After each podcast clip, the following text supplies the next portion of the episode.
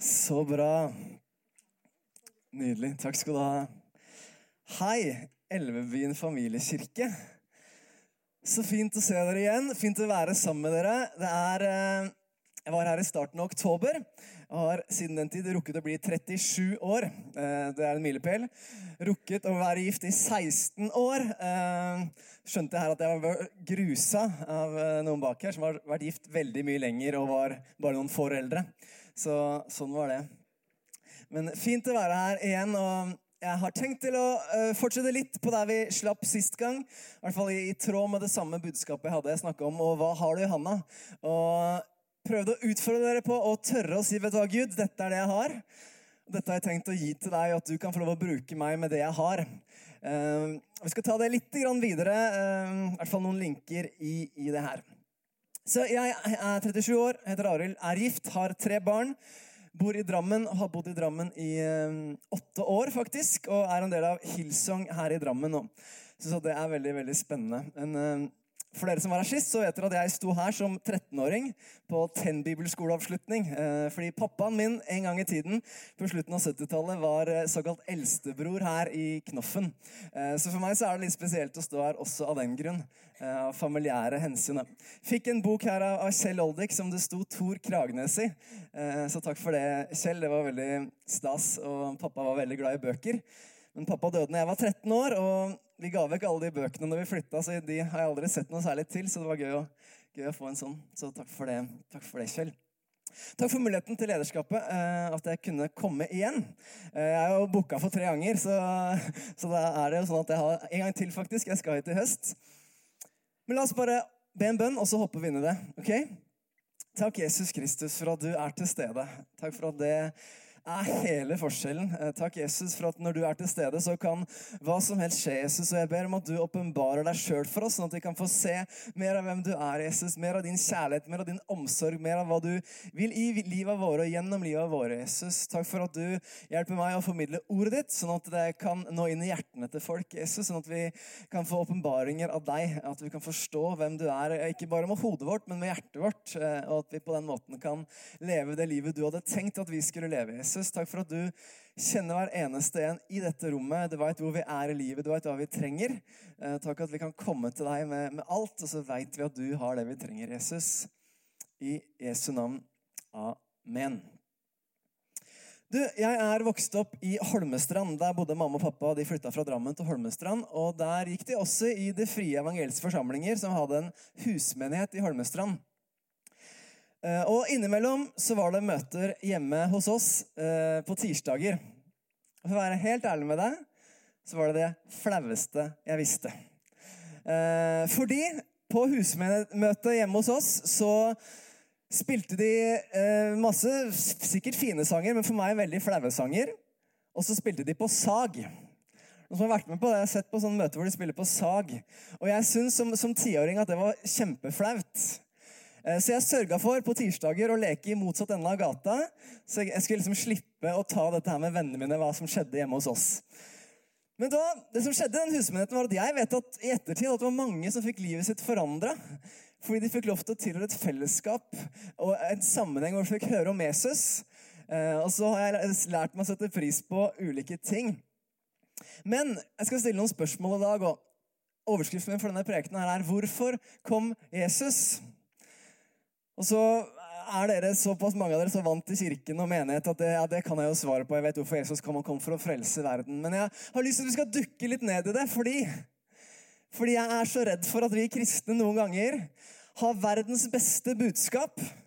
Men så glemmer vi at det er verdens beste budskap, for vi er så veldig godt vant. Vi er så godt vant til å høre verdens beste budskap at vi kommer noen gang på et møte på en søndag, og så smatter vi og Var predikanten flink i dag, da? Var lovsangen eller sangene noe flott i dag? Gjorde møtelederen en god jobb? I stedet for å sjekke hva er det Jesus hadde å si til meg i dag. Så jeg vil stille spørsmålet, Er vi som tror på Jesus, vi som går i en menighet, er vi kulturformidlere? Er vi formidlere av en kultur som har en bestemt type musikk, en bestemt type kultur, bestemt type stil, hvor vi gjør sånn og kler oss sånn, eller hører på sanger som er liksom fine og flotte? Er vi en del av en kultur hvor vi kler oss pent og tar på oss pene skjorter og sørger for at det ser fint ut, at livet vårt ser pene og pyntelig ut? Er det det Jesus ville? At vi skulle komme og at vi skulle ha det koselig? Ha fine, gode samlinger og tenke at vi gikk hjem og det var så godt i dag. Det var fint i dag, dere. Vet du hva? Jeg tror Jesus vil at vi skal ha det godt. Jeg tror Jesus vil at vi skal ha det fint, Han vil at vi skal ha det trygt, han vil at livet vårt skal være gode. Men hvorfor kom egentlig Jesus? Og da har vi det beste svaret i Bibelen. da. Aller beste svaret fins i Bibelen. La oss lese noen vers sammen fra Lukas 4. Og det kan hende at jeg kommer til å strekke på deg og meg litt i dag og utfordre oss litt på hva er det vi gjør med budskapet til Jesus. Hva gjør vi med det? Lukas 4, vers 16 skal vi lese. Dette er Jesus sin egen programerklæring for hvorfor han kom. Så står det i vers 16 i Lukas 4, til og med vers 21 skal vi lese. Han kom også til Nasaret, hvor han hadde vokst opp, og på sabbaten gikk han inn i synagogen slik han pleide. Da han reiste seg for å lese, rakte de ham profeten Jesajas bok. Han åpnet bokrullen og fant stedet der det stod skrevet:" Herrens ånd er over meg, for han har salvet meg til å forkynne et godt budskap for fattige. Han har sendt meg for å rope ut at fanger skal få frihet, og blinde skal få syn igjen. For å sette undertrykte fri og rope ut et nådens år fra Herren. Så rullet han bokrullen sammen, rakte den til synagogetjeneren og satte seg. Alle i synagogen stirret spent på han. Han begynte da med å si, i dag er dette skriftordet blitt oppfylt mens dere hørte på. Herrens ånd er over meg, sa Jesus, for han har salva meg til å forkynne et godt budskap for fattige. Han har sendt meg ut for å rope ut at fanger skal få frihet, og blinde få syn igjen. For å sette undertrykte fri og rope ut et nådens år fra Herren. Evangeliet er i aller høyeste grad et godt budskap. Det er verdens beste budskap. Du finner ikke noe bedre budskap. Det fins ikke. Du kan leite i alle mulige filosofier, men det fins ikke noe bedre budskap enn evangeliet. Men så føler jeg litt noen ganger for meg sjøl, når jeg ser rundt det kristne kirkelandskapet, så sitter vi der, da. Koselig og koser oss med saft og vafler. Og så har vi det så godt, og så har vi det så trygt.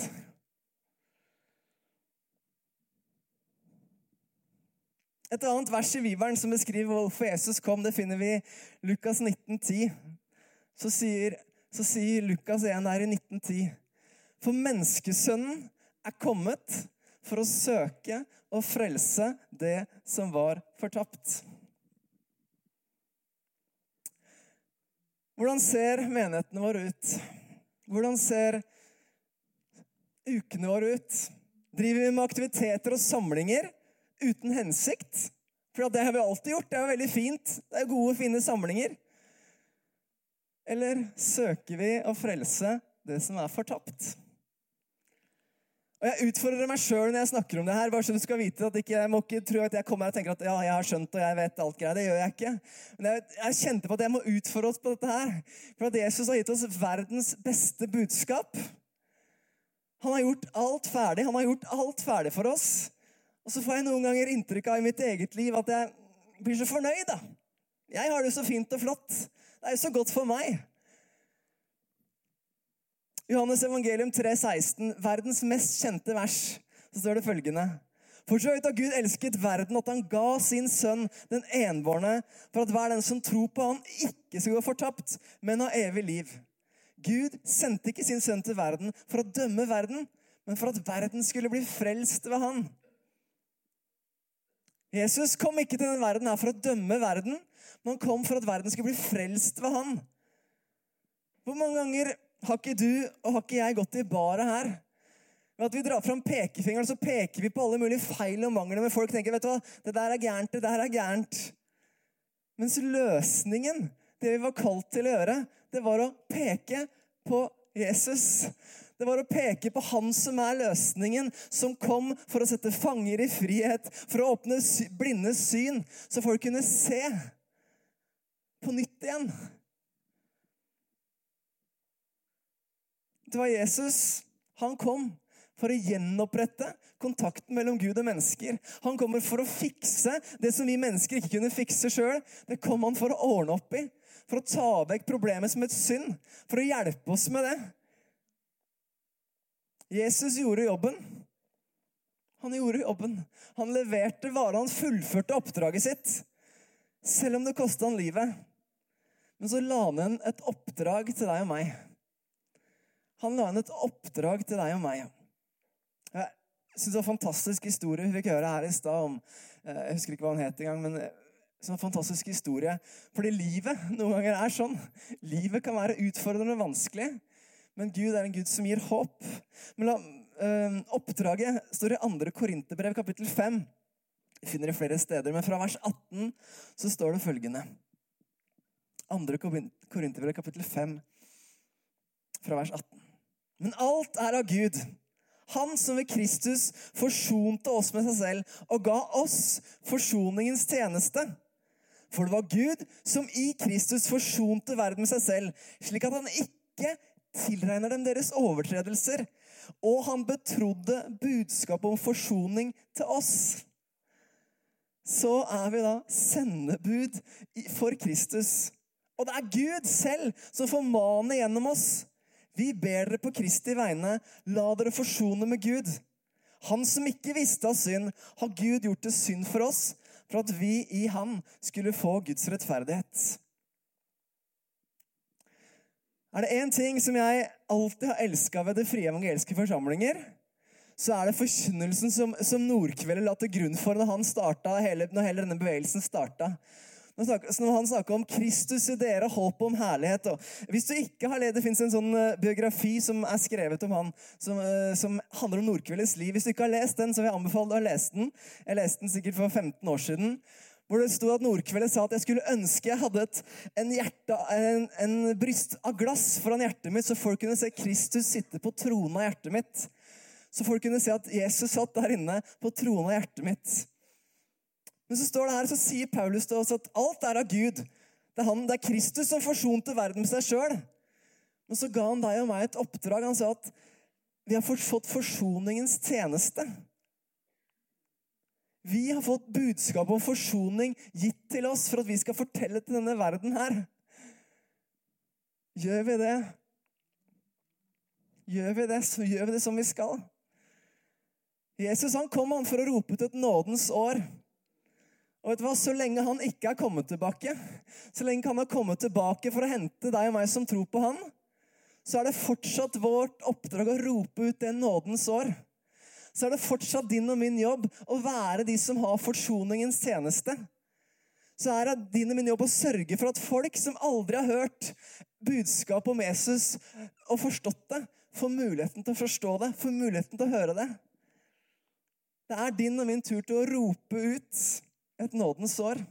Det er din og min tur til å rope ut at fanger skal få frihet. Det er vår tur til å søke og frelse det som er fortapt. Så er det sånn, Jeg vil ikke stå på en scene. Og jeg vil ikke rope ut. Jeg er ikke typen som roper. Jeg liker ikke engang å rope. Jeg kan godt si det. Og ikke jeg heller. Liker heller ikke å rope. Men jeg drømmer om at livet mitt skal få lov til å rope. Jeg drømmer om at når jeg får snakke med folk og prate med mennesker, så drømmer jeg om at de skal si Han hadde et eller annet. Det var et eller annet som han har, en eller annen fred som han har, som jeg trenger. Det er ikke sikkert at du trenger å rope så mye med munnen din. Men kan vi ikke sørge for at livet vårt får lov å rope? Kan vi ikke sørge for Vet du hva? Dette er min historie. Dette er det jeg har i hendene mine skal vi få lov til å la det livet vi har, rope om en Gud som er trofast, rope om en Gud som faktisk bryr seg om oss, som vil ha tak i livet våre, som ønsker å hjelpe oss. Jeg tror ingen av oss har de teologiske svarene på alle ting. Ingen av oss veit alt ennå. Vi forstår stykkevis og delt, sier Bibelen. Men en dag skal vi forstå alt når vi kommer til himmelen. og det, Vi er ikke der ennå. Men foreløpig forstår vi stykkevis og delt. Vet du hva? Det du kan, det er at du kan si dette har jeg, dette har jeg erfart. Jesus har betrodd oss budskapet om forsoning mellom Gud og mennesker. Han har betrodd oss det. Og han har betrodd oss det, for han hadde tro på at vi faktisk kunne ta det videre. Jeg syns det er fascinerende å lese om, om eh, de tolv disiplene til Jesus når de er sammen med Jesus rett før Jesus rykkes opp. Rett før han gir oss misjonsbefalingen. Har du lest det? Så kjenner veldig mange kristne misjonsbefalingen. At for så vidt har Gud elsket verden. Nei, det var Johannes 16. Meg gitt all makt i himmel og på jord. Gå derfor ut til alle folk til mine disipler, idet dere døper dem, osv., osv. Men det står i versene før der? Det står at Jesus viste seg for disiplene, så står det at noen av de tvilte. Vet du hva? Det har oppmuntra meg noen ganger. Si, men Hvordan kan du bli oppmuntra at noen tvilte? Vet du hvorfor jeg ble oppmuntra av det? For alle de som var der sammen med Jesus, de led martyrdøden, bortsett fra Johannes, som, som fikk lov å dø en naturlig død og skrev Johannes' åpenbaring. Men alle de, til og med de som hadde øyeblikk av tvil, de var de som spredte evangeliet ut, sånn at du og jeg tror på Jesus i dag. Så til og med du med din historie, du med din tvil noen ganger, som ikke helt skjønner alt, som ikke helt vet hvordan alt henger sammen Vi kan si, vet du hva? Dette har jeg erfart. Jeg har erfart at det fins en Gud som har sagt at han elsker meg. Han har tenkt å være trofast, og han kom hit til jorda for å hjelpe oss til å være til stede i hverdagen vår. Budskapet om forsoning er betrodd deg. Det er betrodd meg til å gi videre til folk. Så tror jeg vi noen ganger har vært litt for opptatt av at man skal bli pen og pyntelig, at man skal se så veldig fin ut at man må sørge for å se pen ut på utsida. At hvis du skal kunne tilhøre vårt fellesskap, da må du i hvert fall sørge for å kle deg pent nok. I hvert fall sørge for at ting er på stell i livet ditt. Da kan du ikke ha for mange svin på skogen. Vi har vært for opptatt av det ytre, tror jeg, enn at vi har vært opptatt av å lede folk til Jesus Vet du hva, Jeg er overbevist om jeg har såpass stor tro på Jesus at han kan forandre folk fra innsida ut. Derfor så er vårt, ditt og mitt oppdrag det er å peke folk til Jesus. Det er å lede folk til vet du hva, Her er Jesus. Han er løsningen. Han er den som skal hjelpe oss. Så tror jeg at han forandrer oss fra innsida og ut. Jeg tror vi skal heie folk fram. Men hovedmåten vi skal gjøre det på, er at vi skal hjelpe folk til å se på Jesus til å få øya opp for hvem Jesus er, til å klamre seg til Jesus i de vanskelige periodene i livet, i de gode periodene i livet. Hvis du sitter Jeg tror det er sånn med Jesus som å sitte i solveggen i påsken.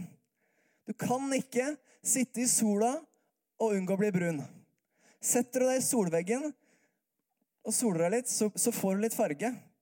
Og vet du hva? På samme måte, overført betydning, så tror jeg det er med Jesus. Du kan ikke unngå å bli påvirka av Jesus hvis du, deg, hvis du lar han påvirke deg. Hvis du lar deg eksponere av Jesus, så tror jeg du ikke kan unngå å bli påvirka av han. Du kan ikke unngå å bli forandra fra innsida ut. Så derfor så Når jeg snakker, snakker med folk som er nye i troen Selvfølgelig, Jeg ønsker å hjelpe dem til å leve liv som, som er evangeliet verdig. Jeg ønsker å hjelpe dem til å leve liv som, som reflekterer hvem Jesus er. Men måten jeg først og fremst gjør det på, det er å si vet du hva? Her er Jesus, her er Bibelen. Dette er løftene han har sagt til oss. Dette er det han har sagt vi skal gjøre med livet våre. At vi skal komme til han, vi skal klamre oss til han. Kan vi ikke sørge for det som mener oss kirker, og peke folk i retning av Jesus? På engelsk så er det noen som sier følgende Jesus is not into behavior modification. He is into heart transformation. Oversatt til norsk Jesus driver ikke med oppførselsmodifikasjon. Han driver med hjertetransformasjon.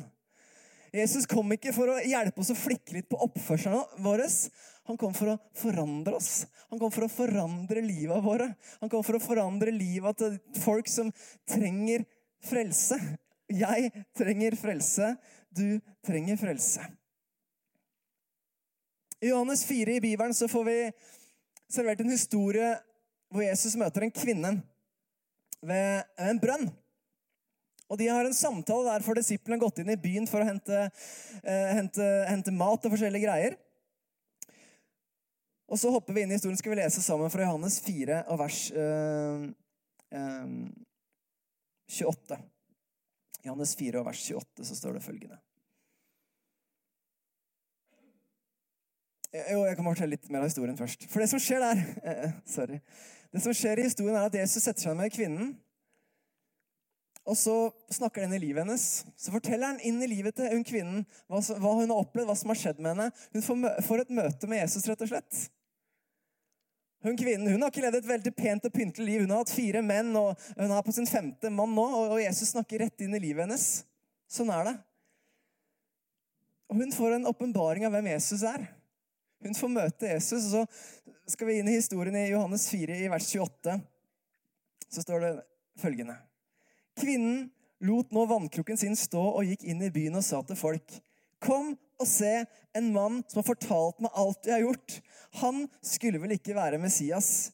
Da dro de ut av byen og kom til han. Vet du hva? Her er det en dame. Hun har møtt Jesus. Hun har null argumenter. For mange ganger så tenker du vet du hva, jeg kan ikke fortelle noen om Jesus. Jeg, jeg, jeg kan ikke så mye, og jeg, jeg veit ikke så mye. Men hun har null argumenter. Det eneste hun har opplevd, det er at Jesus har, har, at Jesus har snakka inn i livet hennes. Det har hun opplevd. Og så sier hun, 'Kom og se'. Hun hadde ikke mange Hun sa bare, 'Kom og se. Jeg har møtt en mann. Tror du ikke han er Messias? Kom og se.' Så tar han med seg, kommer det mange ut, i byen, og så hopper vi inn i vers 39. Så står det følgende. Mange av samaritanerne fra denne byen kom til tro på Jesus pga. kvinnens ord da hun vitnet. Han har fortalt meg alt det jeg har gjort. Nå kom de til ham og ba ham bli hos dem, og han ble der i to dager. Mange flere kom da til tro da de fikk høre hans eget ord, og de sa til kvinnen. Nå tror vi ikke lenger bare pga. det du sa. Vi har selv hørt ham, og vi vet at han virkelig er verdens frelser. Kom og se. Et kom og se, det kan være med å forandre et menneskeliv. Og du tenker vet dette er det jeg har i hånda mi. Dette er det jeg har erfart. Jeg har ikke alle svar, men kan ikke du komme og se? Hør på min historie. Kom og hør hva Jesus har gjort i livet mitt. Kanskje han forandrer livet ditt også. Kanskje han gjør noe i livet ditt også. For en stund tilbake så begynte jeg å lese en bok som heter 'Den kristne ateisten' av en, en som heter Craig Rochelle.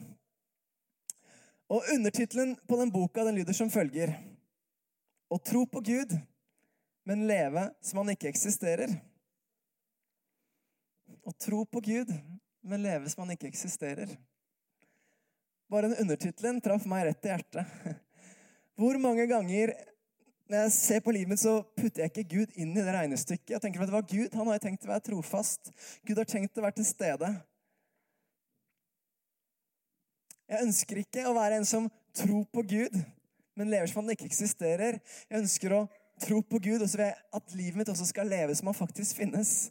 Som at han er den han sier at han er. At han er verdens frelser. At han er den som kom for å åpne blindes øyne. For å gi fanger frihet. Det er verdens beste budskap.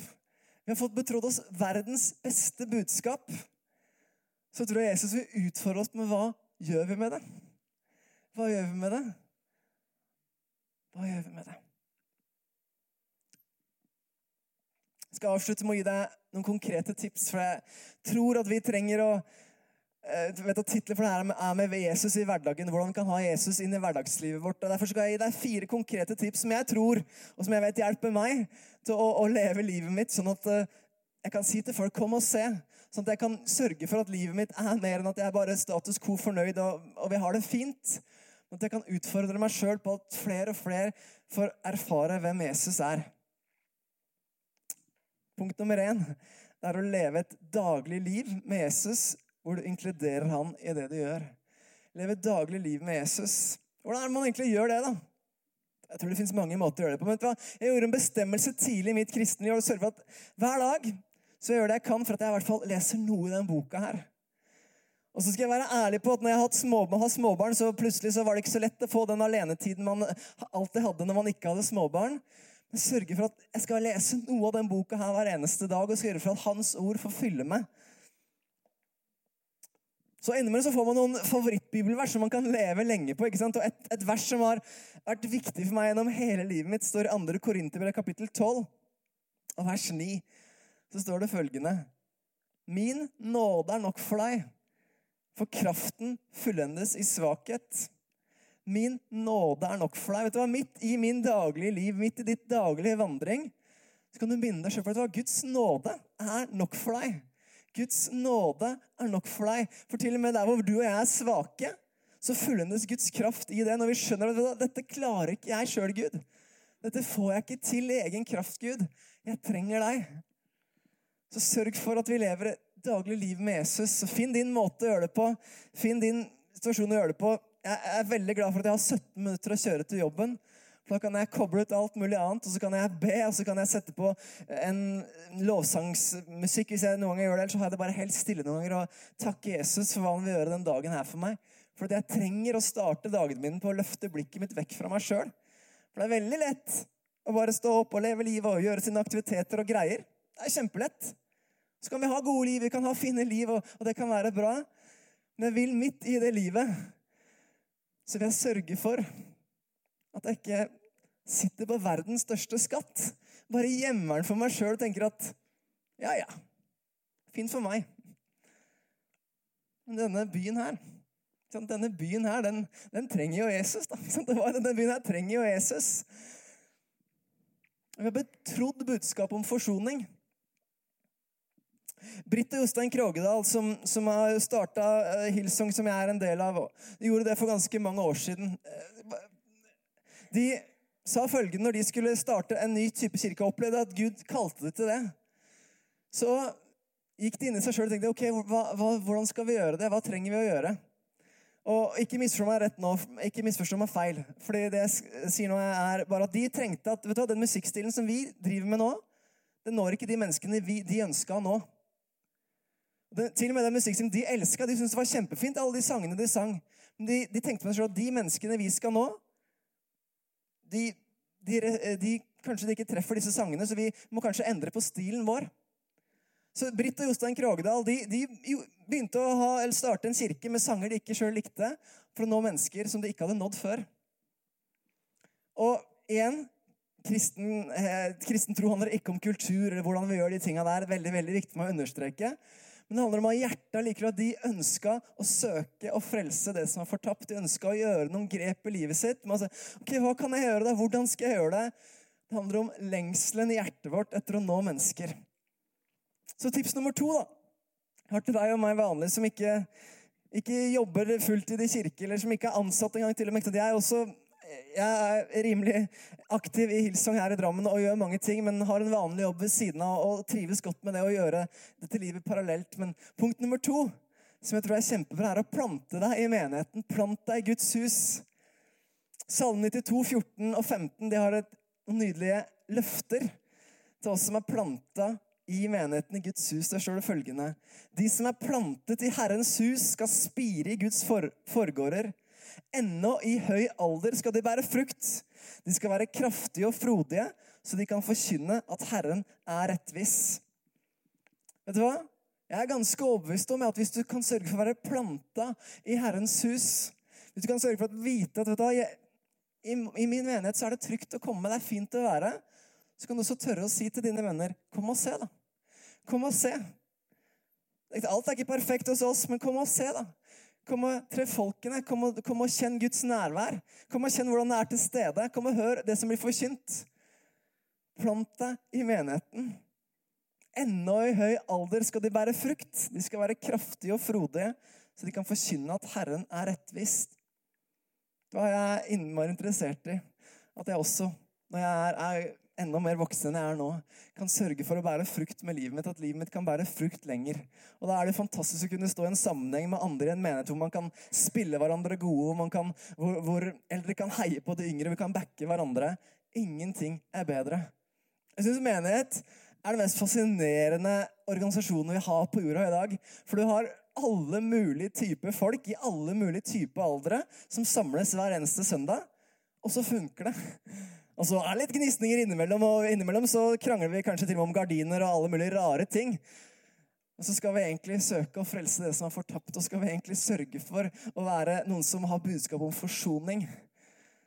Så la oss sørge for, som kristne folk, å ha øya på rett sted og ha målet i sikte. Vite hvorfor vi gjør det vi gjør.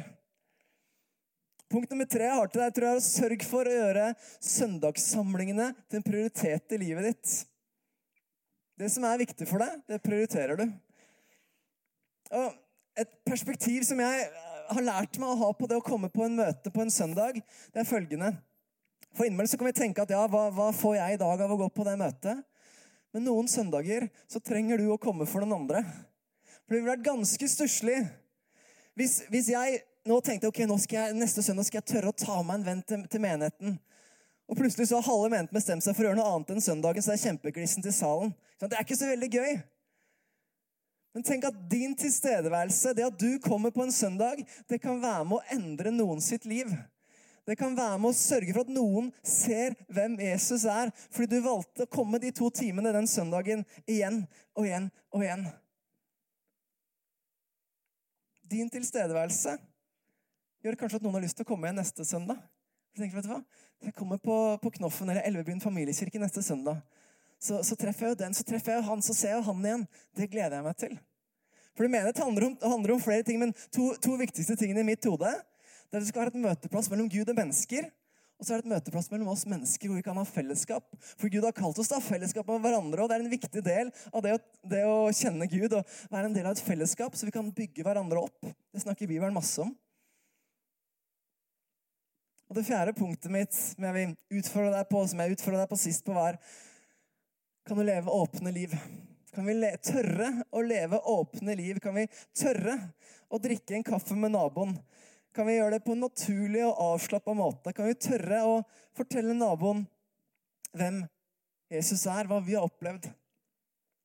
La meg lese en melding jeg fikk her en dag. Jeg prekte et tilsvarende budskap på, på Vestlandet, på Karmøy. Jeg fikk, jeg eh, fikk en melding til en av eldstebrødrene tilbake som, som skrev det her til meg. Mildrid på 82 år tok deg på ordet i går. Etter møtet gikk hun hjem og inviterte to av naboene som hun bare kjenner på hils, hjem til rester fra bursdagen sin på lørdag. Den ene dama takka nei, men hun andre hadde kommet. Hun hadde fortalt at hun hadde gått litt på bedehuset i ungdommen, men gikk ingen plass nå. Så da hadde hun Mildred sagt at hun måtte være med henne på Saron. Og det ville hun. Eh, vet du hva? Jeg fikk denne meldinga tilbake, så tenkte jeg takk, Jesus.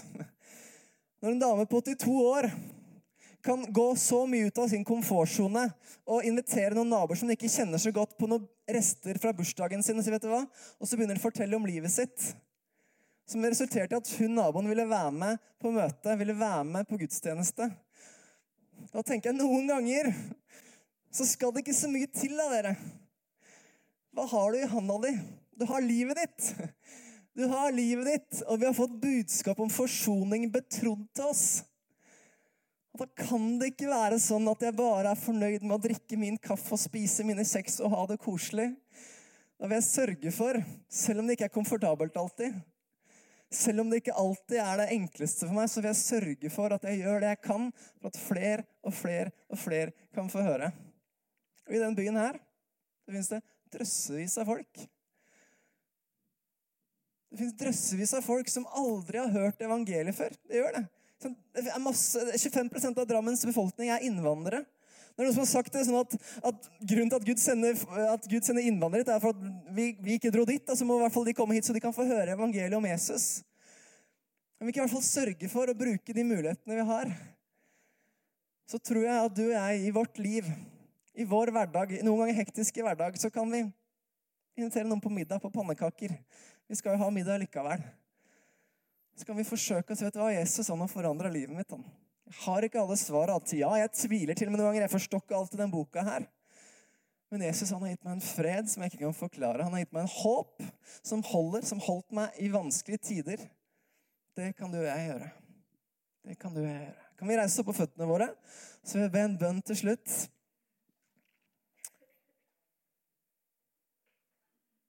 For jeg tror at det er på tide at vi på, på nytt kan få gjenoppdaga hvor fantastisk budskapet om Jesus er, hvor fantastisk evangeliet er.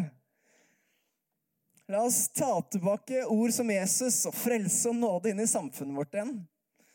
Og jeg har lyst til å prøve å gjøre det jeg kan for å rope ut vet du hva? Folkens, det er et nådens år fortsatt. Det er fortsatt en Gud som lengter etter at folk skal komme tilbake. Det er fortsatt en Gud som, som har gjort forsoningen ferdig for folk. Det er fortsatt tid til folk kan komme hjem igjen til Gud. Så la oss gjøre det vi kan. Takk, Jesus Kristus, for at du er til stede her inne i dette rommet i dag. Takk, Jesus, for at det er ingen fordømmelse for den som er i deg, Jesus. For, livets, for din lov den har frigjort oss fra fordømmelse og alt det der greiene der. Men jeg ber Jesus at du hjelper oss, så vi kan virkelig få nød for denne byen her. For nød for vennene våre som ennå ikke tror. Så kan vi kan kjenne hvilke lengsel du har etter de menneskene som ennå ikke kjenner deg. Hjelp oss så ikke er fornøyd med at, at vi har det koselig, godt og fint sammen, men at vi kan se at liv blir forandra fordi folk får møte deg, Jesus. Hjelp oss å peke folk i retning av deg, så folk får øya opp for hvem du er, og hvor fantastisk budskap om evangeliet er. Takk, Jesus, for at du er til stede akkurat her og nå. Jesus. Takk for at du kjenner hver eneste en i dette rommet. Du veit hvor vi står, du vet hvor vi står i livet, hva vi syns er vanskelig. Takk at du er nok, Jesus. Takk at du er til stede her ved Din Hellige Ånd for å røre ved oss, for å, for å snakke inn i livet vårt, Jesus. Og jeg ber at du det du ikke har fått formidlet gjennom meg i dag, jeg ber at du snakker direkte inn til folk og oppmuntrer folk og gir dem akkurat det de trenger for uka som kommer. Takk at du er nok for oss, Jesus. Takk at du er til stede, og du vil være nær i hverdagen vår. Takk at vi kan gi livet vårt igjen til deg igjen og igjen og igjen og si Jesus, vi vil være med å, bringe forsoning mellom deg og mennesker. Vi vil være med å, vise så godt vi kan hvem du er, ikke med, ikke med lange pekefingre, men vi vil peke folk på deg. Så folk ser hvem du er, Jesus. Takk for at du er til stede. Vi gir deg ære, vi takker deg for at du er god. Takk for at du vil at vi skal ha det godt med livet vårt. Du vil at vi skal ha det fint. Takk for det, Jesus. I Jesu navn. Amen.